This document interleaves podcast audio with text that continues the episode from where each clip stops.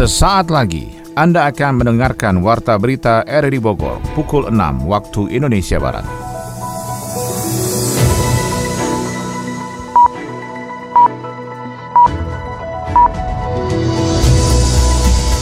Selamat pagi, kami kembali hadir dalam Warta Berita edisi hari ini, Sabtu 3 Juli 2021. Warta berita ini bisa Anda dengarkan juga melalui audio streaming di aplikasi RRI Play pada perangkat smartphone Anda dan turut disiarkan radio Tegak Beriman Kabupaten Bogor. Berita utama hari ini adalah Mendagri mengeluarkan 13 instruksi bagi para kepala daerah terkait pelaksanaan PPKM Darurat Jawa Bali.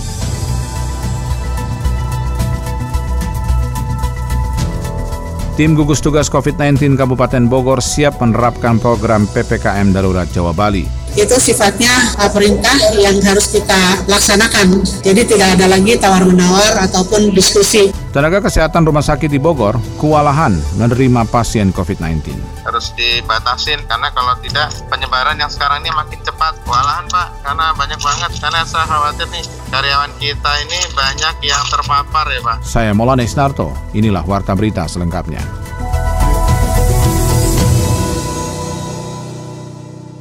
Mendagri Muhammad Tito Karnavian mengeluarkan 13 instruksi untuk para gubernur, bupati, dan wali kota terkait pelaksanaan pemberlakuan PPKM darurat demi menekan laju penyebaran COVID-19. Dalam 13 instruksi yang ditandatangani Mendagri hari Jumat tanggal 2 Juli 2021, di antaranya memerintahkan kepala daerah untuk melakukan kegiatan non-esensial secara virtual atau dari rumah. Kegiatan belajar mengajar juga berlangsung secara virtual, sementara itu kegiatan sektor esensial wajib membatasi pekerjanya yang datang langsung ke kantor hingga 50% persen dari kapasitas nomor ruangan. Supermarket, pasar tradisional, toko kelontong, dan pasar swalayan yang menjual kebutuhan sehari-hari juga wajib membatasi pengunjung hingga 50% persen dari kapasitas normal. Tempat-tempat hanya boleh buka maksimal pada pukul 20 waktu Indonesia Barat, namun apotik, toko obat tetap boleh beroperasi 24 jam, sementara untuk kantor pemerintah penyedia layanan publik yang tidak dapat ditunda diperbolehkan beroperasi secara langsung di kantor dengan jumlah staf maksimal 25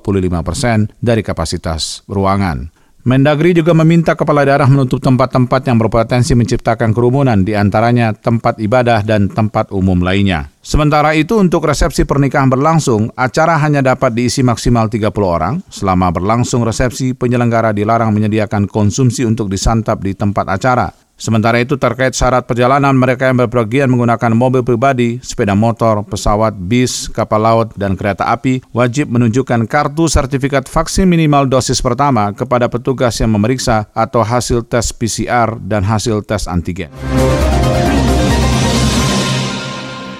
Tim gugus tugas COVID-19 Kabupaten Bogor siap menerapkan program pembatasan kegiatan masyarakat mikro darurat Jawa Bali yang diinstruksikan Presiden berlaku 3 hingga 20 Juli mendatang. Laporannya disampaikan Yofri Haryadi. Tim gugus tugas COVID Kabupaten Bogor siap menerapkan program pembatasan kegiatan masyarakat mikro PPKM darurat Jawa Bali yang diinstruksikan Presiden mulai 3 hingga 20 Juli nanti. Pemkap Bogor bersama dengan unsur kepolisian dan TNI siap memperlakukan PPKM darurat sesuai aturan yang ditetapkan, yakni aktivitas perkantoran ditetapkan bekerja di rumah atau work from home 100%. Sementara sektor esensial seperti keuangan, perbankan, perhotelan, non-karantina melayani hanya 50% jumlah pegawai termasuk pengurangan pelayanan kepada konsumennya. Dalam kunjungan kerjanya memantau kesiapan rumah sakit di Kabupaten Bogor, Bupati Bogor yang juga Ketua Gugus Tugas COVID-19 di Rumah Sakit Sentra Medika Cibinong mengatakan selain mengatur WFH dan jam operasional, beberapa faktor lain yang menjadi atensi Bupati Bogor adalah ketersediaan obat vaksin untuk pasien COVID, termasuk bantuan sosial bagi mereka yang terdampak.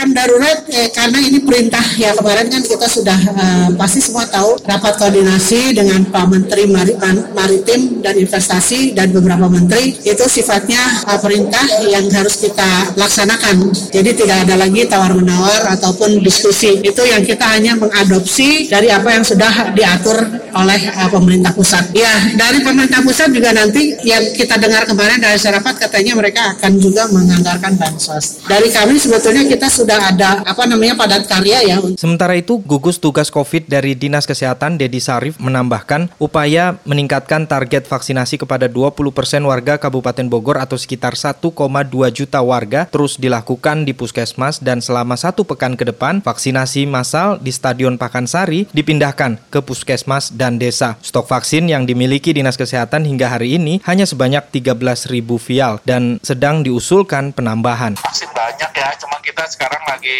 semua akan apa perkantoran kan oh. instruksi bupati kan uh untuk dilakukan lockdown. Jadi ya, kita menghindari kerumunan dulu seminggu mm -hmm. ini sesuai dengan bupati. Nah, kalau kita tetap lakukan vaksinasi di Pakansari, nanti malah transmisinya nggak vaksinasi tetap jalan di puskesmas. Saat ini ada 243 kasus baru pandemi COVID-19 di Kabupaten Bogor. Sementara jumlah keterisian pasien COVID di rumah sakit daerah rata-rata di atas 60 persen dan seluruh rumah sakit swasta di Kabupaten Bogor menyediakan hingga 80 persen ruang isolasi dan perawatan untuk pasien COVID mengantisipasi lonjakan pandemi COVID-19. Kebijakan PPKM darurat juga dilaksanakan pemerintah kota Bogor, di antaranya pembatasan jam malam di beberapa ruas jalan. Hal itu terungkap dalam wawancara bersama Kasat Pol PP Kota Bogor, Agustiansa. Presiden Jokowi menyampaikan akan ada pemberlakuan pembatasan kegiatan masyarakat PPKM darurat Jawa Bali. Bagaimana konsekuensinya? Karena kabarnya ada 46 kota kabupaten yang akan diberlakukan kondisi ini, termasuk Bogor.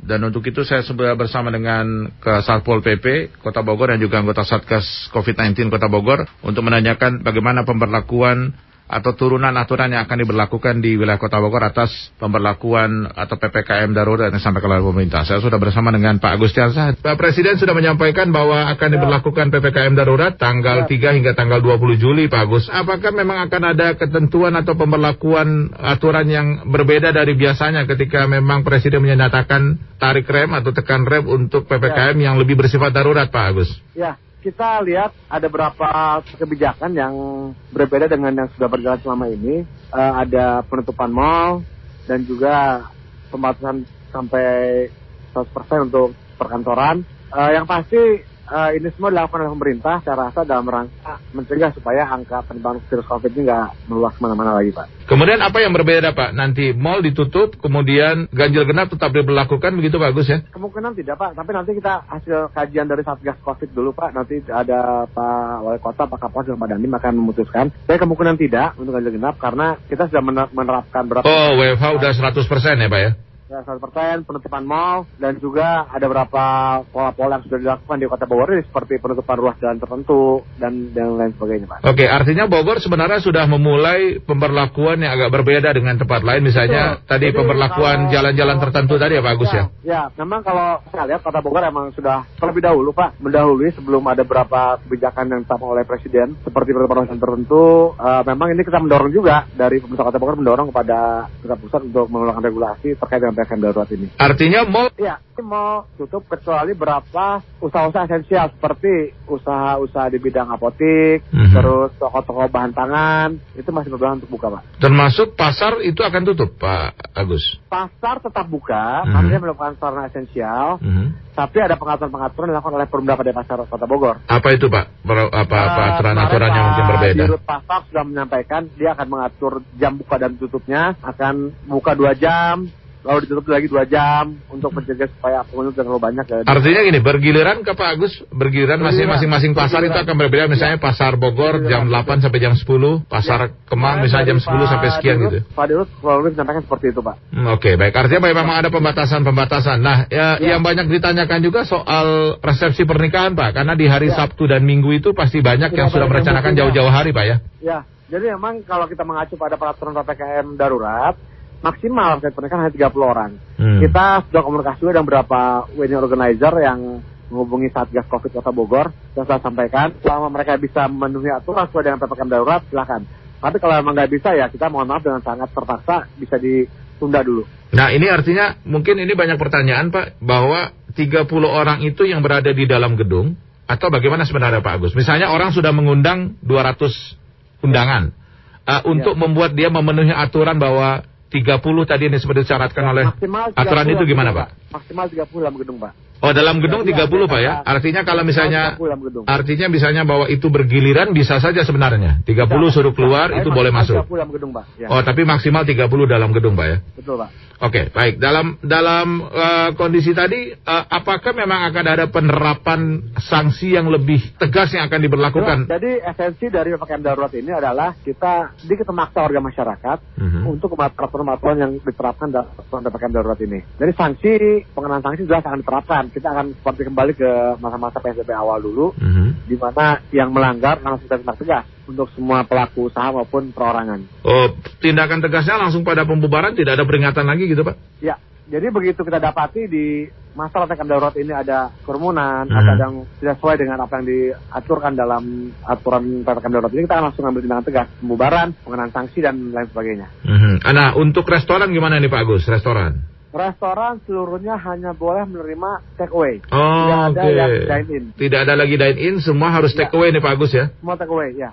Oke, ini jadi tidak ada eh, kegiatan makan di tempat yang sudah ada. Untuk hotel tidak boleh ada terima kamar okupansi? Hotel saya baca bisa tapi ada syarat-syarat tertentu yang memang harus dipenuhi oleh si pengunjung. Ah, Pak, ini mengenai unsur esensial, Pak, perkantoran yang esensial. Kalau Pemkot kan akan WFH 100%, Pak ya, tapi betul. eh, disyaratkan di sana itu ada bunyinya adalah yang esensial itu diperbolehkan masuk dengan mekanisme tertentu. Nah, untuk unsur-unsur esensial seperti bidang komunikasi, bidang ekonomi, keuangan negara Betul. dan sebagainya itu bagaimana, Ya. Pak, pengaturannya, Pak Agus? Itu masih boleh diperbolehkan untuk masuk. Mhm. Tetap ada peraturan untuk pembatasan jumlah karyawan yang boleh masuk. Mhm, Eh, nanti kita akan monitor juga dengan tim dari Satgas. mhm. Tapi yang terpenting adalah gimana caranya kita semua bisa membatasi pergerakan orang dari satu tempat ke tempat yang lainnya. Mhm, Gitu. mhm. Oke, jadi memang itu ya Gus, Agus ya. Jadi memang ada aturan yang akan jauh lebih ketat tanggal 3 hingga tanggal Jauh 20 lebih Juli. ketat, jauh lebih tegas, dan yang pasti ya warga harus bisa mengikuti ini karena ini semua demi kebaikan bersama. Mhm. Pak Agus boleh disampaikan nggak mungkin dari Satgas sendiri gambaran jumlah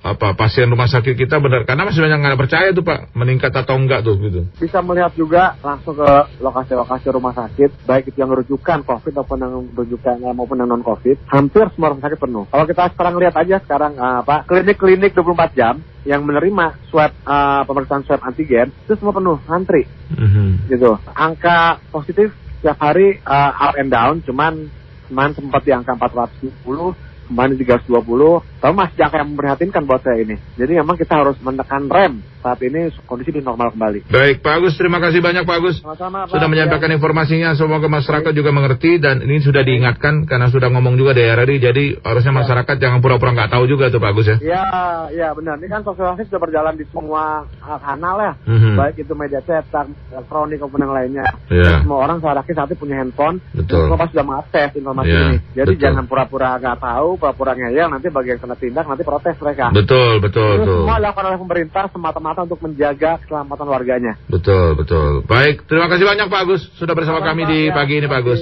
Selamat pagi. Ya, terima kasih. Pagi, Pak. Demikian Kepala Satuan Polisi Pamung Praja atau Kasatpol PP Pak Agustiansah. Siska! Eh, Dewi, lagi belanja juga? Iya nih, kan lagi pandemi kayak sekarang kan kita harus lebih ekstra jaga imun. Makanya belanja buah sama sayur buat keperluan di rumah. Eh, ngomong-ngomong, kamu nggak pakai masker? Kan kemarin aku udah disuntik vaksin covid, jadi aman lah. Gak usah pakai masker juga kan. Soalnya kalau pakai masker, aku nggak kelihatan cantik. Tuh, hati-hati. Walau udah vaksin, tetap aja harus jaga protokol kesehatan. Nggak boleh loh diabein. Contohnya nih, rekan kantor aku aja udah divaksin, masih tetap terkena virus COVID. Wah, serem juga ya. Kalau gitu, aku beli masker dulu ya. Tetap harus pakai masker ya, mencuci tangan, dan menjaga jarak aman. Vaksin bukan obat untuk menyembuhkan COVID-19. Untuk itu, tetap patuhi protokol kesehatan, memakai masker, menjaga jarak, mencuci tangan, menjauhi kerumunan, dan mengurangi mobilitas. Kali ini tentang PHRI dan Asosiasi Pengelola Pusat Pembelanjaan Indonesia di Kota Bogor mengatakan bahwa mereka menyatakan akan berlaku bijaksana terhadap pemberlakuan PPKM skala darurat di wilayah Jawa dan Bali. Laporannya disampaikan Sony Agung Saputra. Pengusaha di kota dan Kabupaten Bogor mengaku pasrah terhadap pemberlakuan PPKM darurat COVID-19 dari pemerintah pusat dan diteruskan pemerintah daerah. Angka COVID-19 saat ini memang meninggi sehingga pemerintah dari pusat hingga daerah mengambil langkah penanganan dengan adanya pola kedaruratan di semua pusat kegiatan masyarakat yang cenderung menjadi penularan di saat pandemi. Dalam aturan tersebut mengatur bahwa sektor restoran harus menggunakan sistem pesan antar atau take away dan operasionalnya tidak sampai malam hari. Ketua Asosiasi Pengelola Pusat Perbelanjaan Indonesia Kota Bogor Herman mengaku saat ini pihaknya memang harus berlaku bijaksana dengan tetap mengutamakan penanganan kesehatan COVID-19. Semua gerai makanan harus mengindahkan aturan tersebut sehingga bisa maksimal dalam penanganan menghentikan penularan COVID-19. Paling tidak apa yang diupayakan oleh pemerintah kita support. Namun di balik itu juga apa satu di beberapa mall memang apa sesuai dengan ketentuan yang memang harus tutup tapi ada beberapa sektor esensial memang yang berada di mall salah contohnya itu ada supermarket, toko obat, maupun atau eh, restoran atau tempat makan yang memang diperkenalkan buka walaupun hanya diperbolehkan untuk online delivery online dari apa dari restoran tersebut dengan nama tentunya ada pembatasan kapas, kapasitas pengunjungnya maupun nama eh, jam operasionalnya. Sementara itu dari pengurus hotel dan restoran Indonesia Kabupaten Bogor juga tidak bisa berbuat banyak terhadap pemberlakuan PPKM darurat di Jawa Bali. Sekretaris PHRI Kabupaten Bogor Nawawi mengaku sisi kemanusiaan harus bergerak saat pandemi COVID-19 mengganas. Memang dalam beberapa bulan terakhir terjadi peningkatan angka kunjungan hotel dan restoran, namun hal ini juga disertai adanya protokol kesehatan yang ketat untuk pengunjung dan pegawai hotel restoran. Saat ini pihaknya lebih mengedepankan upaya pencegahan penyebaran COVID-19 di area hotel yang sebagian besar berada di kawasan Puncak Bogor ini mungkin sudah bicara kemanusiaan ya. Jadi bisnis akhirnya tidak segalanya karena bagaimanapun juga kita harus menyelamatkan dulu kesehatan. Betul, kita memang terpuruk sekali dengan kondisi ini. Tapi apa boleh buat, mungkin yang dipentingkan kesehatan dulu. Kita menyadarilah kita dukung program pemerintah. Harapan kita malah betul-betul semua elemen masyarakat sadar dan mendukung sehingga betul-betul uh, PPKM darurat ini berhasil. Kalau enggak ya seperti ke belakang kita talik ulur terus, kita semua kurang kompak, kurang disiplin, akhirnya berkepanjangan seperti ini. Semua pengusaha di kota dan Kabupaten Bogor mengharapkan masyarakat untuk tetap menjaga protokol kesehatan terutama memakai masker dan menjaga jarak agar bisa cepat terselesaikan pandemi COVID-19. Pengusaha juga mengharapkan adanya insentif dari pemerintah berupa bantuan sosial kepada pegawai yang terdampak secara ekonomi saat pembatasan berlangsung sehingga pemulihan ekonomi nasional dapat berjalan setelah masa kedaruratan selesai.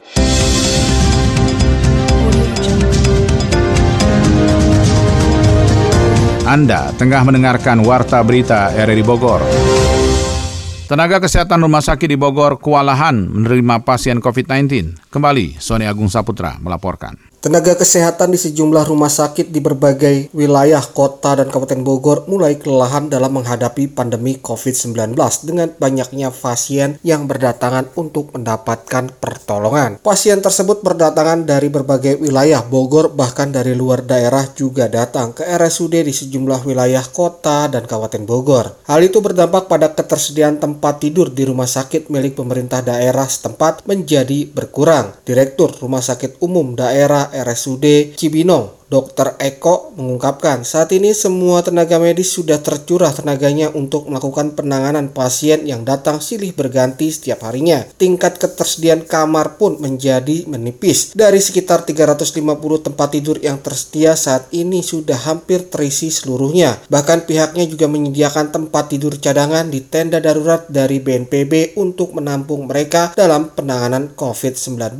yang meningkat sementara penuhnya itu kan penuh pasien-pasien COVID. Jadi memang kita harus batasin Pak pergerakan-pergerakan manusia, pertemuan-pertemuan dengan orang lain harus dibatasin karena kalau tidak penyebaran yang sekarang ini makin cepat. Walahan Pak, karena banyak banget. Karena saya khawatir nih karyawan kita ini banyak yang terpapar ya Pak. Sekarang yang dirawat saja sudah 375 Pak data terakhir. Jadi kita sudah nggak bisa menambah bed lagi. Bed kita kan sekarang 330, tapi yang sudah masuk 379. Jadi kita sudah pakai pakai pelbet gitu, Pak. Oksigen, nah kita kewalahan juga pasokannya kadang-kadang agak lambat. Kadang-kadang kalau kalau sekarang sudah mulai lancar ya, karena kita juga punya mesin generator oksigen ya, jadi agak terbantu juga, tidak terlalu tergantung dengan pihak ketiga. Hal serupa juga dialami RSUD Kota Bogor, di mana angka keterisian tempat tidur khusus COVID-19 juga sudah mencapai ambang batas, sehingga para medis pun harus berjibaku untuk menyelamatkan jiwa pasien dengan tetap khawatir terpapar virus tersebut. Untuk itu, pemerintah Kota Bogor juga menyiapkan regulasi pemberlakuan PPKM darurat yang menjadi acuan dalam penanganan COVID-19 dalam dua pekan ke depan. Kabak Hukum Pemkot Bogor Alma Wiranta menyebutkan sudah ada aturan yang lebih mengikat untuk membatasi mobilitas dan menghindari kerumunan masyarakat. Terdapat aturan untuk rumah makan dan restoran baik itu di gedung atau kaki lima harus memperhatikan regulasi tidak boleh makan di tempat dan adanya pembatasan jam operasional surat instruksi Mendagri pelaksanaan terhadap arahan dari presiden ya yang disampaikan melalui Menko Marves kemarin. Ini ada 14 poin di dalam ketentuan. Kota Bogor kan masuk asesmen keempat. Jadi termasuk yang risiko tinggi dalam penyebaran. Tentunya kita menerapkan itu kan sesuai dengan kebijakan dari pemerintah pusat apalagi ada pernyataan apabila kepala daerah gubernur, bupati, wali kota tidak melaksanakan PPKM darurat akan diberikan teguran dua kali atau setelah itu diberhentikan sementara. Nah, artinya ya mau tidak mau selama kurang lebih dua minggu ke depan terhitung tanggal 3 sampai tanggal 20 ya udah dilaksanakan 14 poin tersebut. Dalam aturan tersebut juga ada sanksi jika pelanggar terjadi di tempat pusat kegiatan masyarakat sehingga pihaknya akan berkoordinasi dengan penegak Perda Satpol PP dan TNI Polri sebagai aparatur penegak hukum untuk melakukan penindakan. Kali ini informasi olahraga tentang Pengcap Taekwondo Indonesia Kabupaten Bogor menerjunkan 30 atlet dalam tim pemusatan latihan cabang pelacap Taekwondo untuk BK Poprov 2021. Laporan disampaikan Ermelinda. Pelatih tim Taekwondo Indonesia Kabupaten Bogor Arif Gandhi menargetkan para taekwondoin Bumi Tegar beriman lolos sebanyak-banyaknya dalam perebutan tiket menuju Pekan Olahraga Provinsi Porprov ke-14 Jawa Barat 2022 di ajang babak kualifikasi BK Porprov yang digelar di Kabupaten Subang pada September 2021 mendatang. Dengan banyaknya atlet yang lolos maka peluang medali emas yang ditargetkan bisa tercapai. Dalam persiapannya Arif Gandhi mengatakan terus melakukan pelatihan baik itu pelatihan fisik dan latihan teknik? Uh, persiapan kita masih minggu itu enam kali latihan, mm-hmm. Senin sampai hari Sabtu, satu hari satu satu kali pertemuan sama atlet. Ada ya ada atletnya 30 atlet yang senior 26 26 junior. Tetapi yang 26 junior ini kita kembalikan ke klubnya masing-masing karena kan popnasnya kan diundur jadi 2023 latihan fisik kita seminggu dua kali di Selasa sama hari Sabtu. Dan fisiknya dua kali latihan tekniknya empat kali. Kita untuk latihan fisiknya masih untuk membangun daya tahan atlet yang kita latih seperti uh, lari 400 untuk daya tahannya mereka dan kalau misalnya untuk daya tahan endurance-nya kita pakai cross country. Tapi kalau misalnya kalau misalnya kadang kita pakai lari 15 menit untuk mengetahui tes parameter atlet kita mau pakai tes balke 15 menit di sirkuit biasanya. Arif Gandhi menjelaskan atlet yang tergabung dalam tim pemusatan latihan cabang pelacap taekwondo untuk BK Porprov 2021 sebanyak 30 atlet. Namun Pengcap TI masih harus terus mencari atlet yang potensial dan timnya juga akan mengikuti di 22 nomor pada BK Porprov mendatang. Sementara itu Sekretaris Umum Taekwondo Indonesia Kabupaten Bogor Asep Saripudin menyampaikan ke kendala yang dirasakan saat pandemi dan juga perkembangannya? Eh, memang agak sedikit terkendala ya untuk saat ini dengan kondisi kita event tidak ada, kemudian paling hanya melalui beberapa event-event online saja yang bisa kita pantau. Meskipun itu udah panitianya panitia luar, tapi kita tetap pantau dan informasi atlet-atlet potensial tetap kita dapat dari para pelatih unit di Kabupaten Bogor. Tapi tetap masih dalam pantauan tim Binpres dan tim pelatih gitu harapan sih kita ingin tadi satu menambah uh, medali emas kita, kemudian untuk perkembangan unit sendiri yang sekarang sudah rata-rata per uh, eh, UKT periode itu di angka yang baru itu di angka 1000 peserta. Mudah-mudahan tidak surut dengan adanya pandemi ini. Memang kemarin sempat ada drop lah sekitar 700 peserta baru yang muncul. Tapi mudah-mudahan ke depan kita bisa tetap eksis mempertahankan tadi lumbung-lumbung atlet muda yang yang akan muncul. Rencana oh. kita sih sebetulnya ada di event-event lokal internal di Kabupaten Bogor Baik. yang kemarin hampir terjalin dengan dispora akhirnya kan tidak bisa dilaksanakan karena status pandemi. Kemudian rencana kami di Oktober untuk Pengcap sendiri akan mengadakan Liga Taekwondo Pelajar. Asep Sarifudin mengakui sulitnya tempat latihan para atlet yang akan diturunkan pada BK Porprov 2021 karena belum diperbolehkannya fasilitas Stadion Pakansari dipakai. Namun ia memastikan proses berlatih atlet tetap berjalan seperti biasa menjelang BK Porprov nanti.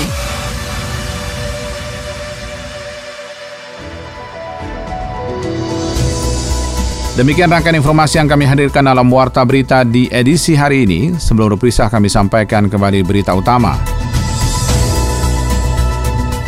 Mendagri mengeluarkan 13 instruksi bagi para kepala daerah terkait pelaksanaan PPKM Darurat Jawa Bali.